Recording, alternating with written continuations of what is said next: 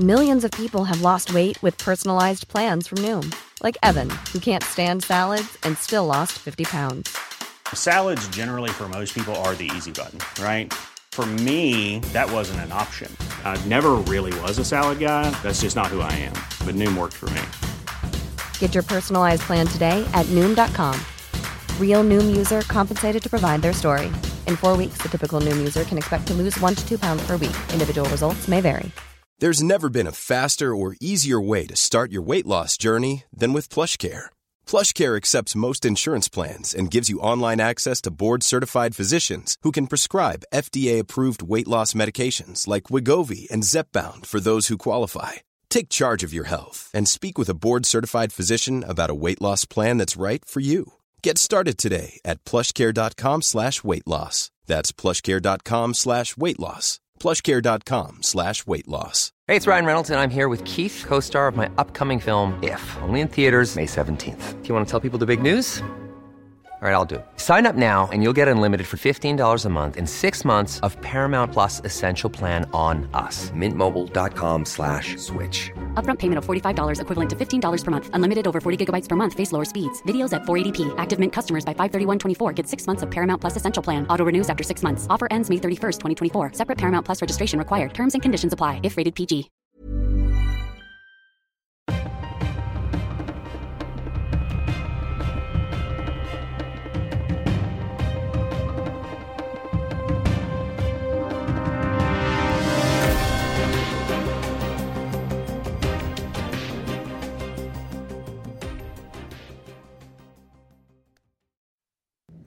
Så, då säger vi hej och mycket varmt välkomna till eh, årets första sommaravsnitt av eh, dagens Juridikpodden. Man skulle kunna tänka sig att man eh, eventuellt låg i någon hängmatta eller satt och tittade ut över något inlopp i skärgården eller liknande. Men jag sitter istället intryckt i en sån här telefonkiosk i ett kontorslandskap fullt av människor som pratar i telefon. William Eriksson heter jag och eh, du är också med mig Stefan Wahlberg som vanligt. Men du kanske ligger i någon hängmatta eller något? För du är på landet. Nej. Ja, jag är faktiskt på landet med någon hängmatta varken äger jag eller, eller ligger i utan sitter och tittar ut över ett solbadande eh, Roslagen här på mitt landställe. Så att eh, det är som du säger en sommarpodd och det fungerade utmärkt förra året med den här typen av inspelningar där jag sitter på ett ställe och du sitter på ett ställe. Teknikens under vi får inte dricka kaffe tillsammans och prata, prata skit öga mot öga, men det här går ju också med teknikens under, precis. Du som är yngre än vad jag är kan ju de här tekniska lösningarna utan och innan. Jag kan ju det. Och du, eh, Roslagen, då kan du kanske, nu är jag lite dålig på geografi sådär, men kan det vara så att du kanske har sett någon eh, Gotlandsfärja eh, transportera sig förbi ditt eh, sommarställe fylld med lobbyister, journalister och kanske en och annan politiker på väg till Almedalen. Det är Almedalsveckan den här veckan. Nu är tidigare lagd eh, av någon anledning som jag inte riktigt känner till. Man använder sig av samma koncept som tidigare, det vill säga att jag tror att man delar på dagarna. Det är inte längre så att man håller på i, i sju dagar och alla partier ska ha varsin dag, utan man, man, man delar lite broderligt sådär. Idag när vi spelar in onsdag så tror jag att det är Moderaternas dag och det har säkert kommit en del politiska utspel redan nu. Det har väl pratats NATO och sådär misstänker jag. Men eh, Almedalsveckan känns ju annars som att den har tappat lite i eh, kraft, tycker jag åtminstone de senaste åren. Jag vet inte, håller du med mig Stefan? Känns som att det, det, det är lite dalande och lite färre människor som är sugna på att åka dit. Ja, jag hörde dessutom att antalet eh, event och, och antalet deltagare i största allmänhet är sjunkande och att den här demokratiska smältdegen som det från början på något sätt kanske inte bara var tänkt att vara utan också var börjar få allt mer färgen av en eh, professionell politiker och lobbyistverksamhet. Och jag påstår inte att något är rätt eller fel men jag tycker att det är ändå intressant att notera att eh, statliga myndigheter finns på plats för att marknadsföra eller lobba för sin verksamhet och det kan man ju fråga sig då om, om det är för att informera den breda allmänheten och skattebetalarna eller om det i själva verket är för att eh, lobba emot sina uppdragsgivare, det vill säga politikerna. Och då blir det lite sådär, någon form av lite intern eh,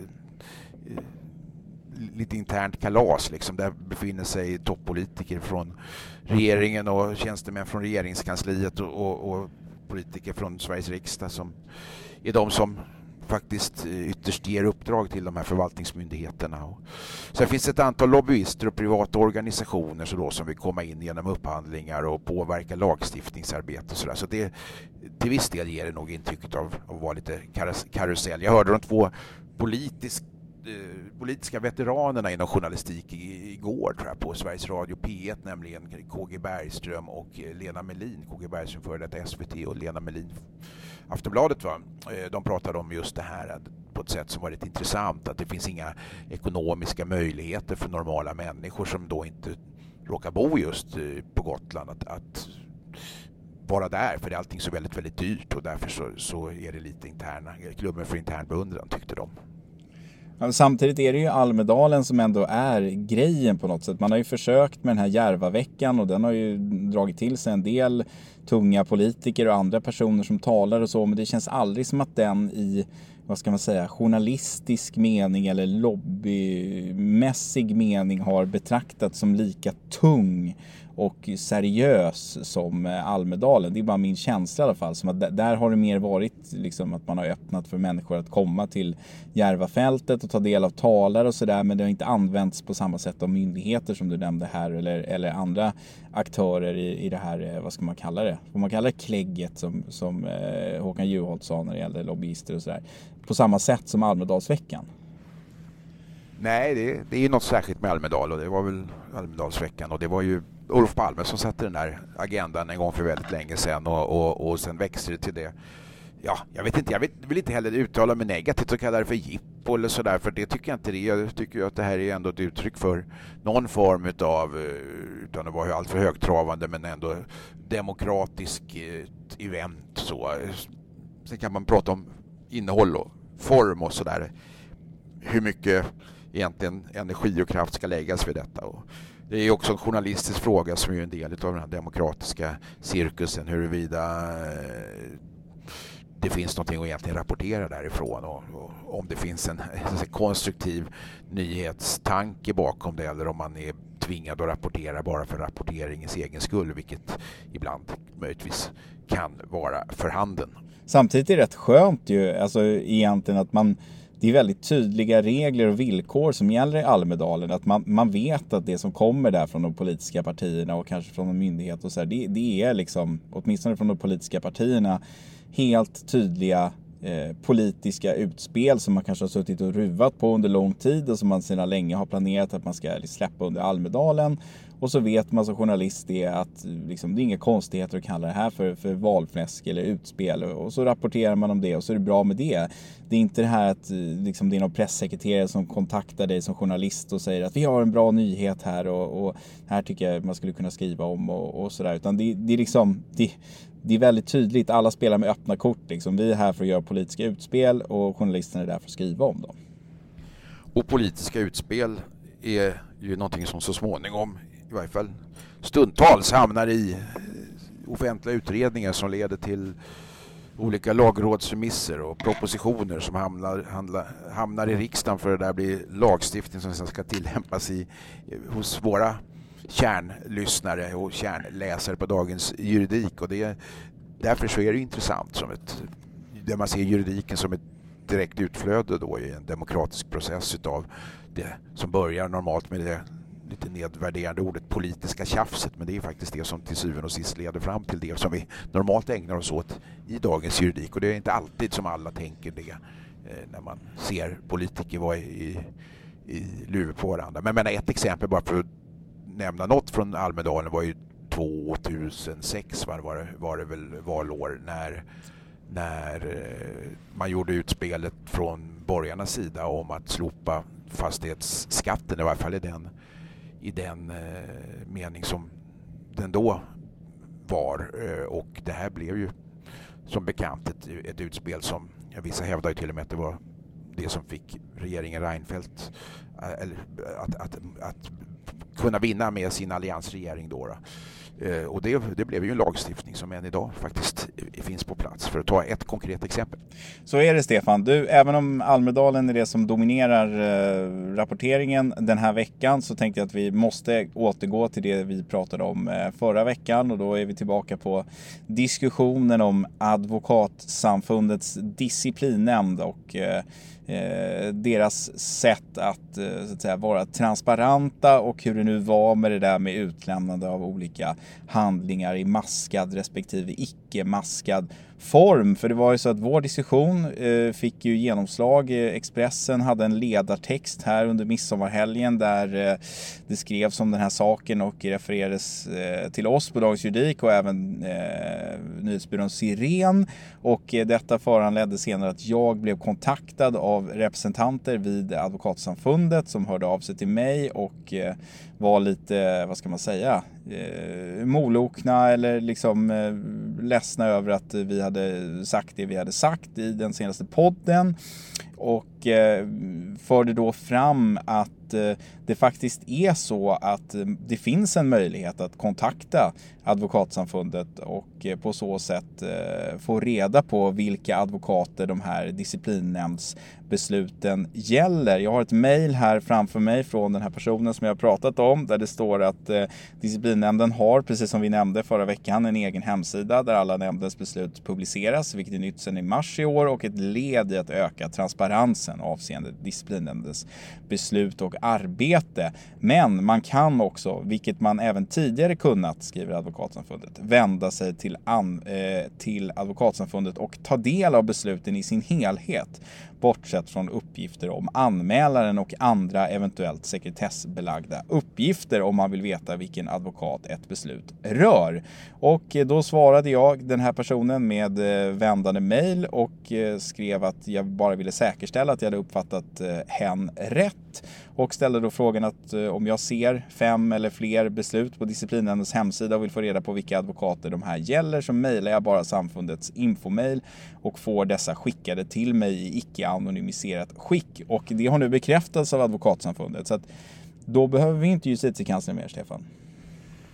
Nej, och det här tycker jag är glädjande. Och, och, eh, ett förtydligande som de kanske själva kallar det för eller en nyhet som man skulle kunna säga också för så här har det ju inte fungerat tidigare helt enkelt. Och jag tror jag redogjorde i förra podden för den när jag själv var chefredaktör för Dagens Juridik och redan för tio år sedan hade problem att få ut nämndens eh, avgöranden och då kom på att man kan vända sig till justitiekanslern och så har det fortgått. Va? Och sen kom den här diskussionen igång som vi hade i förra veckans podd där det visade sig att även de beslut som under en viss period skickades till JK faktiskt var anonymiserade utav, utav samfundet. Därav den här diskussionen och därav det här då tillrättaläggandet eller förtydligandet ifrån samfundet som jag tycker både äger sitt fulla berättigande och framförallt är glädjande därför att det innebär att man från och med nu har klargjort att besluten från samfundets disciplinnämnd är offentliga för den som vill ta del av dem. Och jag delar därutöver samfundets uppfattning utan att egentligen ha någon, någon eh, annan anledning till den hur jag tycker att man ska agera i sådana här sammanhang på, i offentligheten på internet, nämligen att de beslut som läggs ut på deras hemsida ska vara anonymiserade därför att den omedelbara tillgängligheten eh, hamnar på något sätt i, i, i, en kontrast mellan å ena sidan offentlighet och å andra sidan den integritet som de här advokaterna kan påräkna. Vill man veta det här så ska man kunna höra av sig och då få del av besluten. Jättebra Advokatsamfundet, säger jag. Ja, nej, men jag kan hålla med och precis som jag skrev i min kommunikation med Advokatsamfundet här att det, det, även om det, det här framstår som nya uppgifter för mig så är det ju väldigt bra eh, nyheter naturligtvis. Det är ju det här vi efterfrågar. Jag menar, är det så att de sedan en tid tillbaka Eh, har erbjudit den här tjänsten, det vill säga att man bara kan mejla dem och säga att hej diarienummer XXX bla bla bla, jag vill ha det fullständiga beslutet utan maskning Om man får det skickat med vändande e-post så kommer inte jag fortsätta bråka med Advokatsamfundet. Det är väl jättebra i så fall. Eh, de har också gått ut med en nyhet om det här på sin hemsida. Eh, och det enda jag frågar mig då är väl så här, varför har man inte informerat om det här tidigare. Alltså de måste ju ha känt till att folk vänder sig till justitiekanslern och begär handlingarna därifrån och inte vänder sig till samfundet. Jag menar, eh, för mig landar det ändå i slutändan någonstans kanske i att man, man har tyckt det varit ganska bekvämt att folk har vänt sig till IK istället.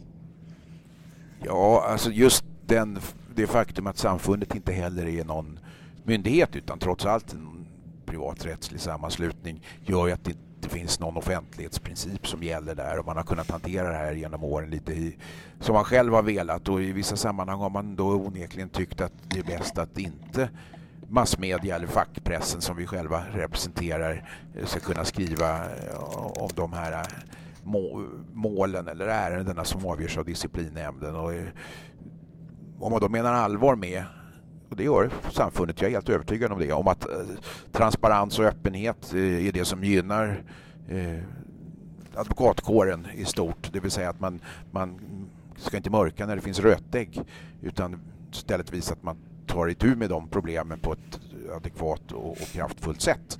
Då, då, då är ju det här den enda vägen att gå så att säga. Jag tycker det är jättebra. Jag, menar, jag har suttit här i den här podden i flera år och kanske det är en av dig och mig som mest brukar försvara advokatkåren och, och, och prata om att alla missförhållanden som målas upp eh, inte kan tillskrivas eh, annat än de tragiska undantag som, som då passerar revy framför våra ögon i de här ärendena och, och, och eh, i och med det här så tror jag att man kan säga att case closed, nu är allting, eh, eller rättare sagt case open, nu är allting eh, offentligt och var och en kan ta del av det som de här eh, rötäggen inom, som, inom, inom advokatkåren faktiskt gör sig skyldiga till i stort och smart. Vi har ju allt från erinringar och varningar till uteslutningar och straffavgifter och, och så vidare. Så det, det är ju det är gott och blandat i, i den där loddan som de håller på med.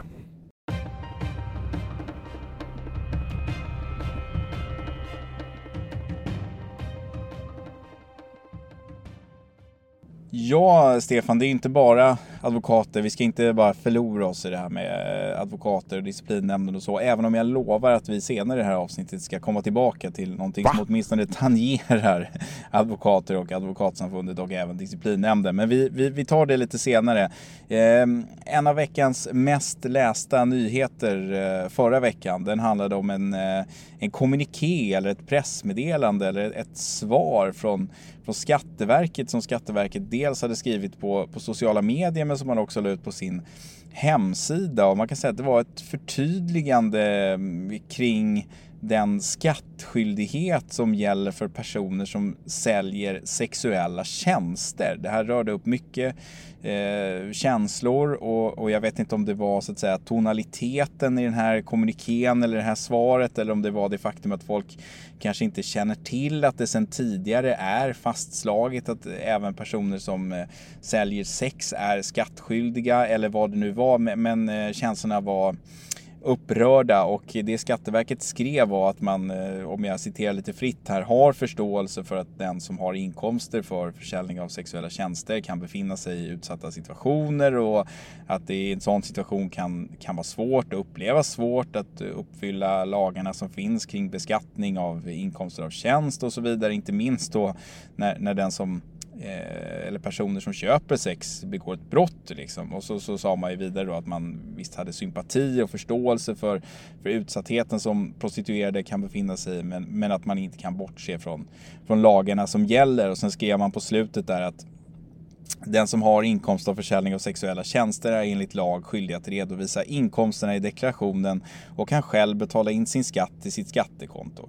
Det går bra att betala in skatten löpande under beskattningsåret eller i samband med att deklarationen lämnas in. Torrt, eh, eh kameralt, men det upprörde ändå känslor.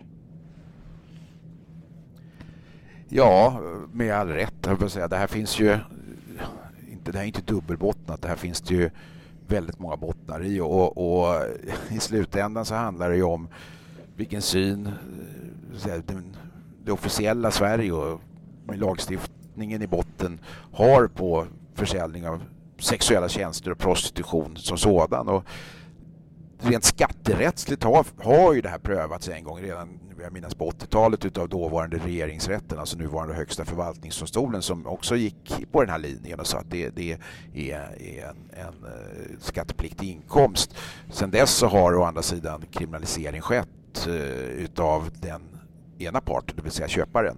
Och det har väl inte varit uppe på den prejudikatsnivån sen dess så vitt jag känner till. Däremot så har det prövats ett antal, det finns några kammarrättsdomar och lite sånt där som i sak ger Skatteverket rätt här.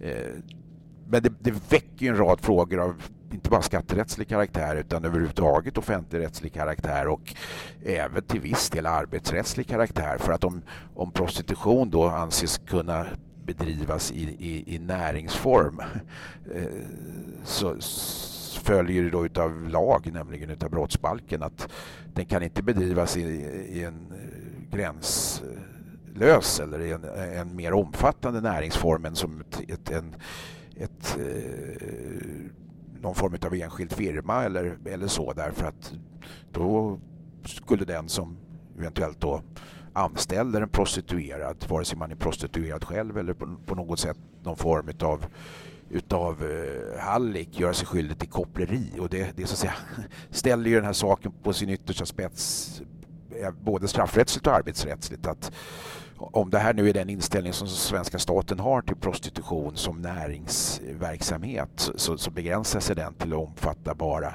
enmansföretag egentligen. Och eh, det är också så att en sån näringsverksamhet då per definition kommer att främja brottslig verksamhet eftersom den förutsätter att det finns köpare och eftersom det är kriminaliserat och straffbelagt att köpa sexuella tjänster så, så, så, säga, så skapar den här näringsverksamheten då en grogrund för, för eh, brottslighet. Och det, här, det här har ju alltså diskuterats genom åren, eh, inte bara i, inom akademin utan även utav sådana som JO och, och sådär. Inte kanske just när det gäller skattemål men jag vet att JO för tiotal år sedan kom med ett, ett, ett beslut som rönt viss uppmärksamhet, inte minst i Dagens Juridik, eh, som handlade om huruvida polisen i Göteborg eh, hade gjort rätt när de avvisade en prostituerad kvinna ifrån Rumänien som varaktigt eh, brukade besöka Sverige för att prostituera sig. Och eh, då kom justitieombudsmannen fram till att att, att prostituera sig får anses ändå vara att försörja sig på, som han citat sa, oärliga, eh, oärliga eh, grunder och att det här då är någon form av förarbetesuttalande till och med som man hänvisar till. Att det är ett oärligt försäljningssätt i lagens mening enligt förarbetena skrev JO där. Va? Eh, och det här blev ju intressant därför att eh, man var tvungen att utveckla det precis på det sättet som jag alldeles nyss gjorde. Alltså, man skrev att prostitution kan inte förekomma utan att brott begås eh, och, och då får det betraktas som en i huvudsak förbjuden företeelse. Det vill säga själva sälj, försäljningen av den sexuella tjänsten är som bekant inte kriminaliserad i Sverige men själva företeelsen som justitieombudsmannen uttrycker det får ändå i huvudsak anses vara förbjuden eftersom det då eh, det, det, det, är en nödvändig förutsättning för att ett brott ska begås så att säga. Ja, men det, här, det här är ju brottsoffer. Liksom. Jag menar, någonstans är det ja. så att det är ju i brottsoffer som Skatteverket då vill understryka att det är viktigt att de betalar skatt och att de då skulle betala in den löpande med risken för att man då själv skulle försätta sig i en ännu mer utsatt situation genom att man var tvungen att redovisa var inkomsterna kom ifrån och, och det då skulle kunna eh, härleda Skatteverket eller andra kanske brottsutredande myndigheter till vem som var köparen vilket i sin tur skulle eh, försätta den här personen i en ännu mer, än mer eh, utsatt situation. Ja. Det, för mig blir det jättekonstigt. Och även det här har ju diskuterats därför att själva prostitution, alltså försäljning av sexuell tjänst i sig har inget, inget målsägande brott utan det är ett brott mot allmänheten. Däremot kan det ju vara så att det finns ett, ett, ett även juridiskt brottsoffer i det här och inte bara en, en, eh, svagare part som inte kan värja sig mot en starkare part. Och det är om det övergår till trafficking och man utnyttjar någons i de sammanhangen eh, svårt utsatta situation för, för egen försörjning och så vidare. Då blir en prostituerad eh, ett, ett, ett brottsoffer även i en målsägandemässig mening. Och det där, det där är, är ju intressant. Ska även de då beskatta det här eller är det hallicken? Ja, du hörde, det går liksom inte riktigt att komma till någon till någon, någon, någon, rimlig slutsats i det här. Dessutom så, alltså det finns ju ett, i och för sig inte i lagen fastställt begrepp, men en, en princip som gäller i, i princip hela den civiliserade västvärlden om pactum turpe, va? det vill säga att om du har ett olagligt, eller omoraliskt eller otillbörligt eh, avtal, eh, något som står i strid med goda seder, det behöver inte vara olagligt utan det räcker med att det står i strid med goda seder, då gäller ju inte det här avtalet enligt principen om pactum turpe då, för att det anses alltså vara en skamlig överenskommelse. Och det, det, det rimmar liksom illa överlag tycker jag det här med att eh, det, det är fullständigt självklart att man inte till exempel beskatta brottsvinster därför att brottsvinster ska, ska förverkas och då finns det inte att beskatta. Och den här situationen som har uppkommit med brottet köp av sexuell tjänst som kriminaliserat men inte att kriminalisera försäljning av sexuell tjänst den för ju ändå tankarna i den här riktningen på något sätt. Som jag sa att skulle man kunna ingå ett anställningsavtal om man bedriver en legal näringsverksamhet?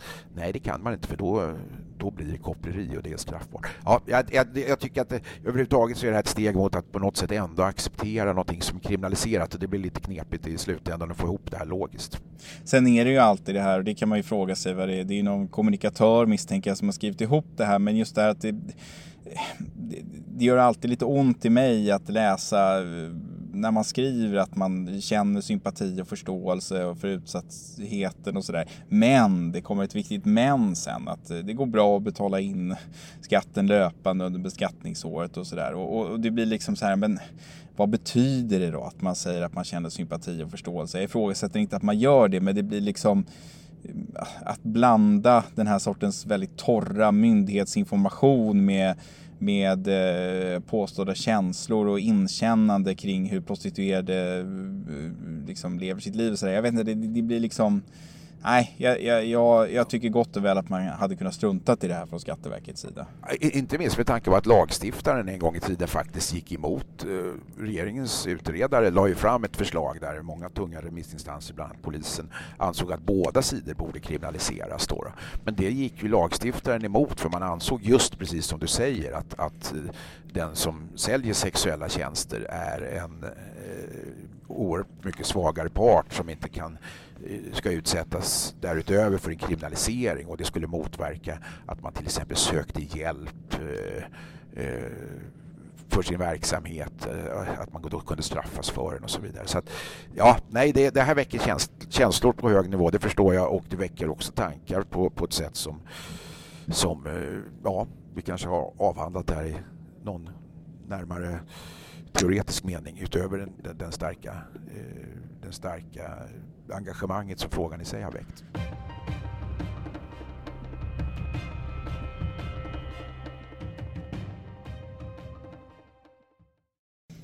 Ja du Stefan, jag lovade att vi skulle återkomma till eh, advokatbranschen, Advokatsamfundet och Advokatsamfundets eh, disciplinnämnd och det ska vi göra nu för att eh, här i veckan så har jag skrivit en artikel om en tvist mellan en ganska stor advokatbyrå i Sverige och en numera utesluten advokat. Den här advokaten som numera är utesluten, ex-advokat skulle vi kunna kalla honom. Han blev föremål för för eh, disciplinnämndens prövning under förra året och eh, eftersom det då fanns så att säga en eventuell uteslutning på bordet och han skulle närvara vid eh, disciplinnämndens sammanträde så sökte han efter ett juridiskt biträde som kunde så att säga försvara honom under disciplinnämndens sammanträde. Han eh, kontaktade då en person på den här advokatbyrån som sa att nej, jag kan inte ta det där utan eh, jag rekommenderar dig att ta min kollega på samma byrå. Den här eh, kollegan åtog sig uppdraget och eh, försvarade då den här ex-advokaten som trots detta försvar kom att utesluta avslutas. Disciplinnämnden ansåg att eh, 75 000 kronor det skulle den här försvararen få för sitt arbete som han hade gjort inför disciplinnämnden. Sen när han hade fått de 75 000 kronorna då skickade han en faktura på eh, 158 000 kronor till den här ex-advokaten och sa att här har du fakturan på det så att säga beloppet som översteg vad eh, disciplinnämnden betalade ut till mig. Ex-advokaten vägrade betala den här fakturan och menade att disciplinnämnden hade ju så att säga, precis som en domstol i ett brottmål eller i andra mål, sagt att 75 000 är skäligt arvode för den här eh, tiden och arbetet som du har lagt ner så att jag tänker inte betala resterande belopp. Eh, advokatbyrån hävdade ju då att jo, vi har ett uppdragsavtal, ett avtal som säger att eh, du har förbundit dig att betala det, eh, vår faktura som vi kommer skicka till dig när det här är klart. Men Stockholms tingsrätt konstaterar att nej, så är inte fallet. Advokatsamfundets disciplinnämnd har bestämt att 75 000 är det som gäller och det finns inget i avtalet mellan ex-advokaten och advokatbyrån som säger att ex-advokaten har förbundit sig att betala mer pengar än så. Det här blev en jättesnackis i branschen, Stefan, på flera olika sätt. Eh, och jag tänkte att vi kunde börja med, med ett litet stycke som finns i texten här som jag reagerade ganska starkt på när jag läste det. Och det är att advokatbyrån eh, i sin skrift till tingsrätten skriver att eh, det här arvodet som man har begärt har varit skäligt. Och så säger man att man debiterar inte på timbasis men man gör en citat bedömning för varje faktura baserat på värdet för klienten, hur kvalificerat arbetet har varit och de förutsättningar under vilka arbetet har utförts. Eh, och så skriver man att den så kallade normpristaxan för den här advokaten som utförde försvaret i disciplinnämnden eh, är 6 000 kronor per timme.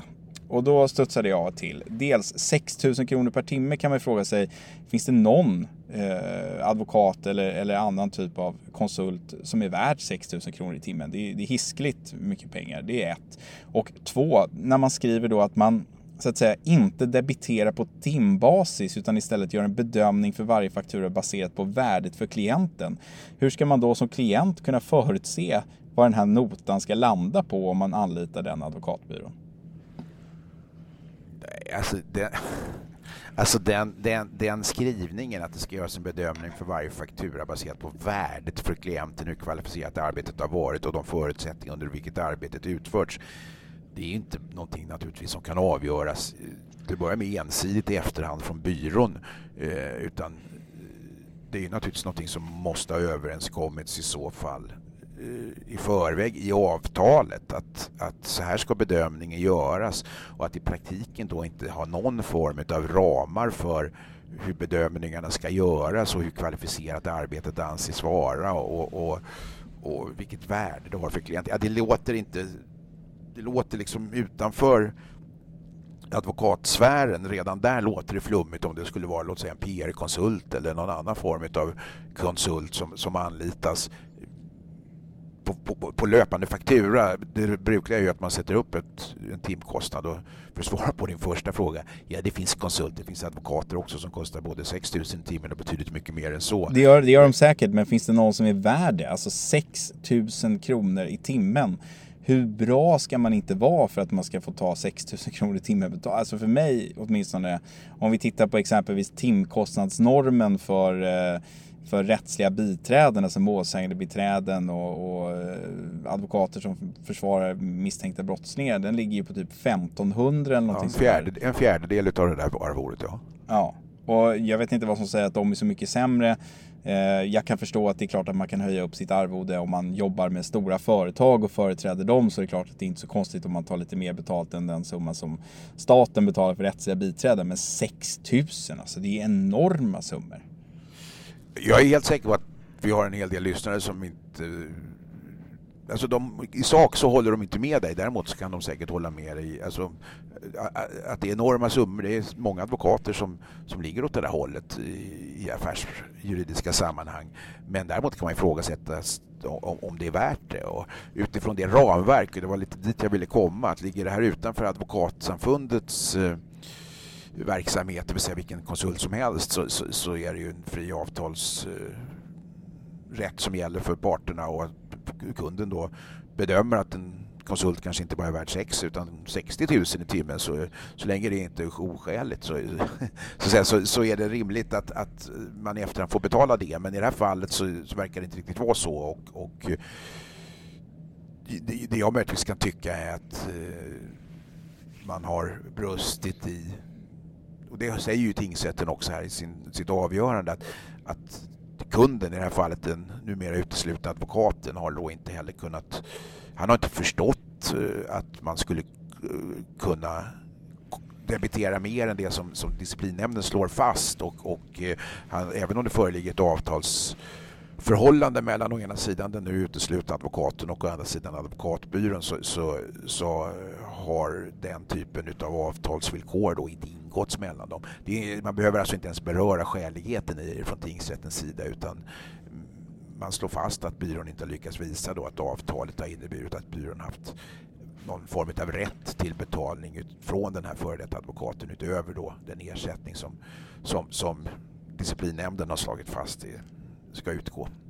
Nej men ja, liksom viktigt att, att föra fram tycker jag från min sida åtminstone. Jag ifrågasätter inte att, att liksom den här advokaten som, som skötte försvaret här, han är säkert jättebra och, och, det är säkert så att det är branschpraxis att ta 6 000 i timmen. Det ifrågasätter jag inte heller, men, men jag ifrågasätter mer på liksom någon form av ideologisk grund huruvida det finns eh, advokater som är värda så mycket pengar i timmen. Det är en sak, men sen kan jag också känna att drygt vad det nu var, 230 000 kronor för att försvara någon i disciplinnämnden. Jag gick tillbaka och tittade lite på vad vad eh, försvarare har fått för, för att försvara klienter i disciplinnämnden den senaste tiden av de som har uteslutits. Så där låg ju den summa som då disciplinnämnden betalar ut på eh, strax under det beloppet som den här advokaten fick i runt 70 000 såg jag att Björn Hurtig fick exempelvis för sitt försvar av eh, advokaten Gabriel Barsum. Och jag bara tänker att hur komplicerat kan det vara ett sånt här case? Han påstår att han blev eh, varse ganska sent att han skulle ta det här uppdraget och så vidare. Det blir väldigt mycket pengar på, på kort tid också. 234 000 kronor, jag vet inte. Ja, och det, ibland så ser vi ju advokatnoter som springer iväg i både affärsjuridiska sammanhang och i, och inte minst uppdrag som privata försvarare kan ta Sådär. Och, och allting handlar ju om, som vanligt, vad, vad har ingåtts i avtal från början beträffande, beträffande arvodet och, och till syvende och sist är det skäligt och där har vi inte bara Alltså samfundets stadgar säger ju att ett advokatarvode ska vara skäligt. Vad det innebär är det dock ingen som varken officiellt eller, eller mellan fyra ögon egentligen under alla mina år i den här branschen har, har kunnat svara på. Är 60 000 ett skäligt arvode? Är 6 000 ett skäligt arvode i timmen? Alltså det, det, det, går inte riktigt att svara på det här. Därutöver har vi sett då alla möjliga former av avarter utifrån stad, samfundets stadgars perspektiv om, om, om, om success fee och, och en del andra arrangemang som gör att det blir kanske inte så förutsägbart som för, för, för för en yttre betraktare som, som det är tänkt att kunna vara att, att anlita en advokat och de här begränsningarna som finns. Det blir helt enkelt en, alltså, det är ett sammelsurium utav, utav konstigheter ibland när det gäller fakturering från advokatbyråer, punkt slut. Ja, men det man, kan, det man kan fråga sig här är också om man, om man då går tillbaka till den här skrivningen om att man gör en bedömning eh, för varje faktura baserat på värdet för klienten.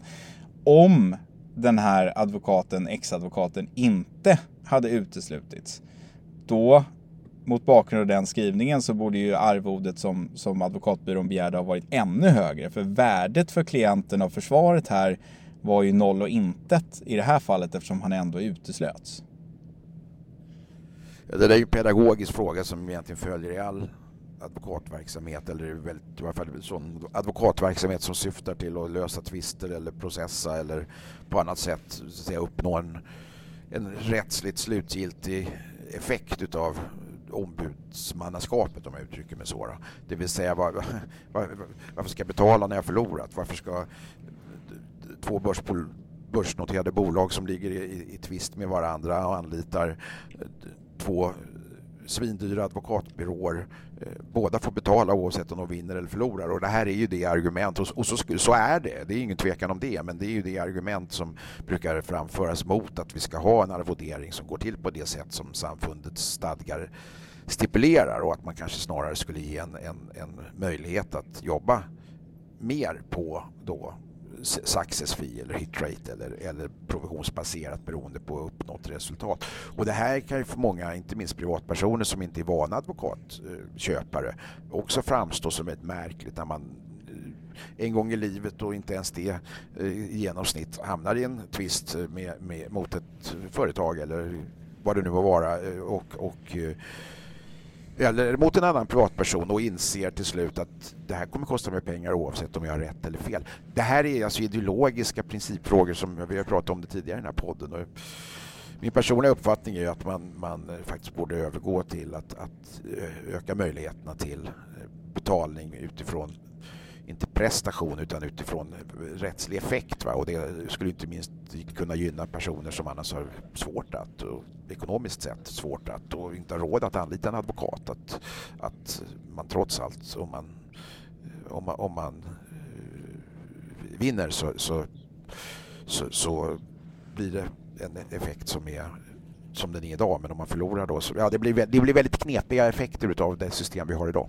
Ja, men jag hör vad du säger och det hade inte varit några konstigheter i det här ärendet om man hade så att säga på förhand kommit överens om att det här kostar 6 000 kronor per timme. Eh, jag kommer fakturera dig för det jobbet jag lägger ner så får vi se hur det går. Jag kommer försvara dig på bästa möjliga sätt. Det som gör att det blir lite mer eh, pedagogiskt svårförklarat här är ju just att man då skriver att det är inte timfakturering som gäller utan det, fakturan baseras istället på värdet för klienten, vilket nästan låter som att man skulle jobba pro bono. Och då ställer jag mig frågan, hade fakturan varit ännu större i det fall som advokaten inte hade uteslutits ur samfundet?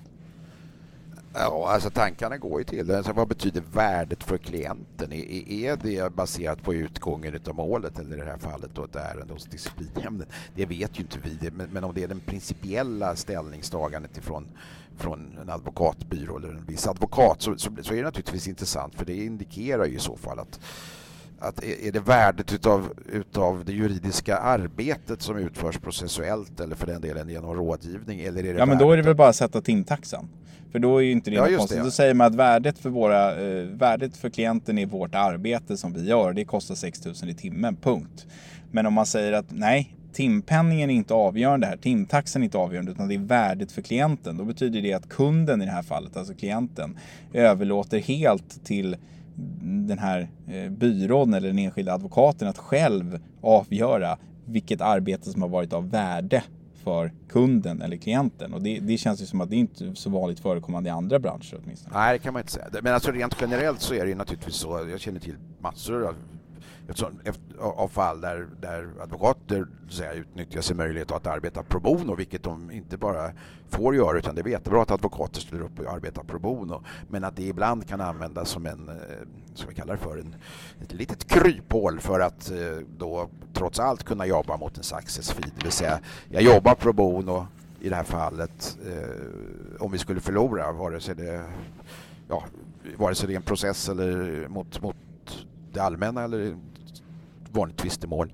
Eh, men jag tar betalt om vi får ett, ett, ett, positivt utfall i, i målet till exempel. Det här är, det är ganska vanligt och, och så vidare och det kan ibland göras av väldigt godhjärtade skäl av advokater som, som då tycker att jag tar inte betalt av den här privatpersonen till exempel eller det här lilla företaget eh, om, om, om vi tappar målet men, men om vi får full utdelning och dessutom motparten ska betala mina kostnader som advokat, ja då, då, då eh, tar jag betalt. Och då kan man kanske till och med ta rejält betalt. Och, och det förekommer.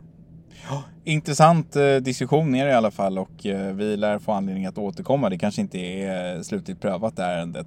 Du Stefan, luften håller fullständigt på att ta slut i den här eh, nu mycket varma telefonkuren så att jag ska slänga mig ut här omedelbart till den skönt luftkonditionerade Eh, Eh, kontorslandskapet här utanför. Vi säger tack till alla er som har lyssnat på veckans poddavsnitt och som vanligt så uppmanar jag er att höra av er till podden at dagensjuridik.se med ris och ros och andra funderingar, tankar eller åsikter.